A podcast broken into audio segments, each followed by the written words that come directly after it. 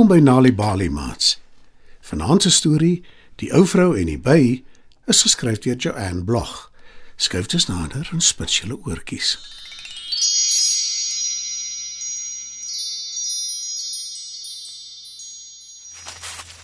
Daar was eendag 'n ou vrou wat alleen gebly het. Haar klein houthuis was heel bo op 'n berg. Elke oggend het sy met 'n lang nou paadjie afgestap na die woud toe om vuur maak hout bymekaar te maak. Een baie koue oggend toe sy besig is om vuur te maak in die vuurherd, hoor sy 'n klein stemmetjie roep. Help! Help! Die vrou kyk bekommerd rond, maar sy sien niemand nie. Help my asseblief! Roep die stem weer. Weer kyk die vrou rond. Hierbo! Roep die stem. Die vrou kyk op en souwaar in die hoek sien sy 'n by wat in 'n spinnekopweb vassit. Die vrou staar verwonderd na die by wat spartel om te probeer loskom. Hou op staar en help my asseblief. Pleit die by. O nee. Jy's 'n gevaarlike insek. Hoekom moet ek jou help? Al wat jy gaan doen is jy gaan my steek. Ek sê jou nie steek nie, ek beloof. Pleit die by. Die vrou dink 'n oomblik na. En toe vra sy vir die by: Wat maak jy in elk geval in my huis? Want as jy nie hier ingekom het nie, het jy nie nou in 'n spinnekop se web vasgesit nie. Die by verduidelik dat hy besig was om verby die venster van haar houthuis te vlieg toe hy die pragtige blomme in 'n vaas op die tafel raak sien. Ek wou net 'n bietjie nektar drink uit die blomme sodat ek heuning kan maak. Dis ook per ongeluk in die spinnekop se web ingevlieg het. So jy was van plan om te steel. Raas die vrou, Nee, natuurlik nie. Ek wou net 'n bietjie nektar hê, dis al. sê die by terwyl hy homself probeer loswikkel. Nou goed. As ek jou help, wat kry ek daaruit?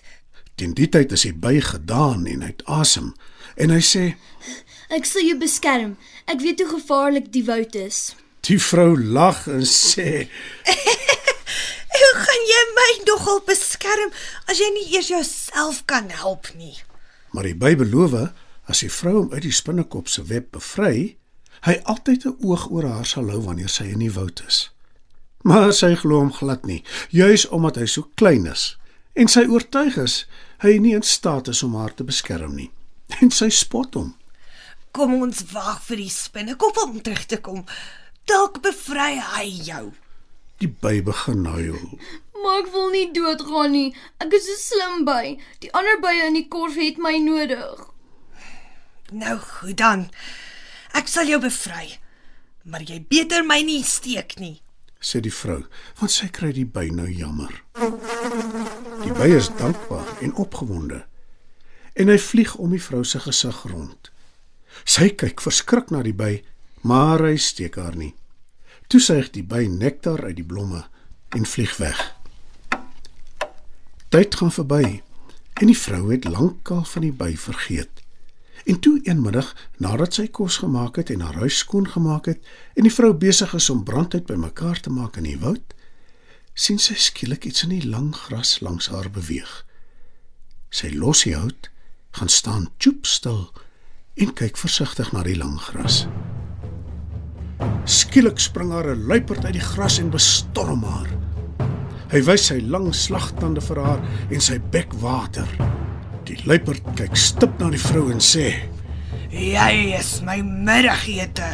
Die vrou is vreesbevange en sy pleit by die luiperd. Moenie my opvreet nie asseblief. Moenie my opvreet nie. Ek is honger en jy staan hier reg voor my. Antwoord die luiperd en kom dreigend nader. Maar net toe hy die vrou wil bespring, voel hy 'n skerp pyn reg langs sy een oog en nog een op sy stert. Eina, eina dis seer. roep hy. En die vrou kyk verbaas hoe 'n kwaai skerm bye die luiperd aanval. Hy probeer sy bes om hulle van hom af weg te hou, maar daar is te veel van hulle en hulle steek hom oral op sy lyf. Die hongerluiperd het geen ander keuse as om tou op te gooi nie. En hy hardloop sterk tussen die bene weg, dieper in die woud in, Julle het my lewe gered. Dankie. sê die vrou vir die bye. Ek het beloof ek sal jou beskerm. sê die by wat die vrou uit die spinnekop se web gered het. En hy vlieg vrolik om haar kop rond. Die slag is sy nie bang nie, net dankbaar. En van die dag af is sy en die by goeie vriende. Sy plant baie blomme in haar tuin om nektar te voorsien aan hom en sy vriende. En op hulle beurt voorsien die bye haar van honing en beskerm hulle haar.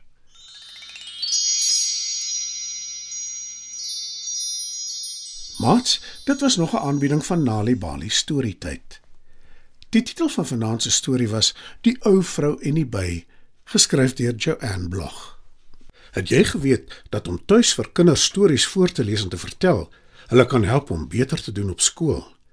As jy gratis stories wil hê om vir jou kinders voor te lees of stories wat jou kinders self kan lees, besoek die Nali Bali webwerf www.nalibali.org of die Mobi werf www.nalibali.mobi.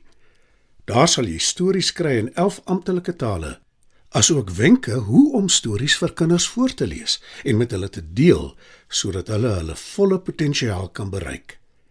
Hou ook koerante dop vir die tweetalige Nalibali lees vir genot bylaag waarin daar wonderlike kinderstories en aktiwiteite is. Nalibali. Dit begin met 'n storie.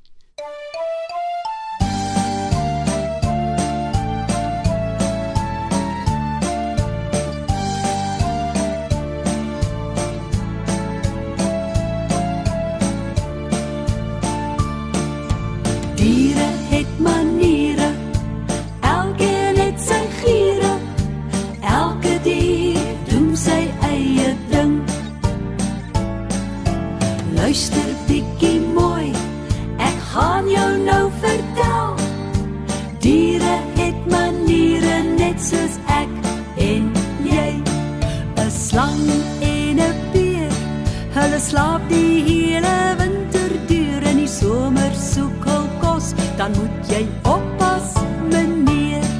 'n Uil jag in die donker en slaap weer in die dag. Apies swaai in die bome rond, hulle speel en ras en lag.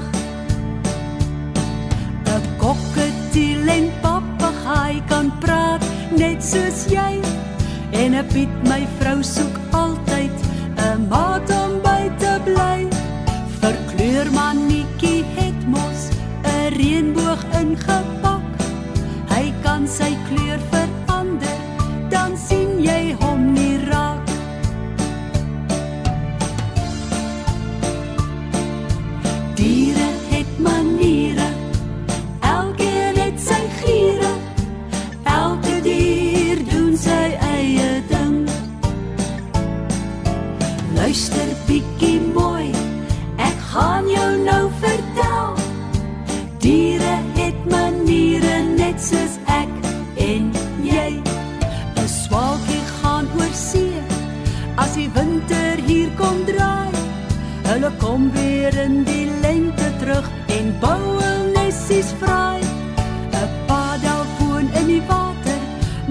maar ook op droë grond.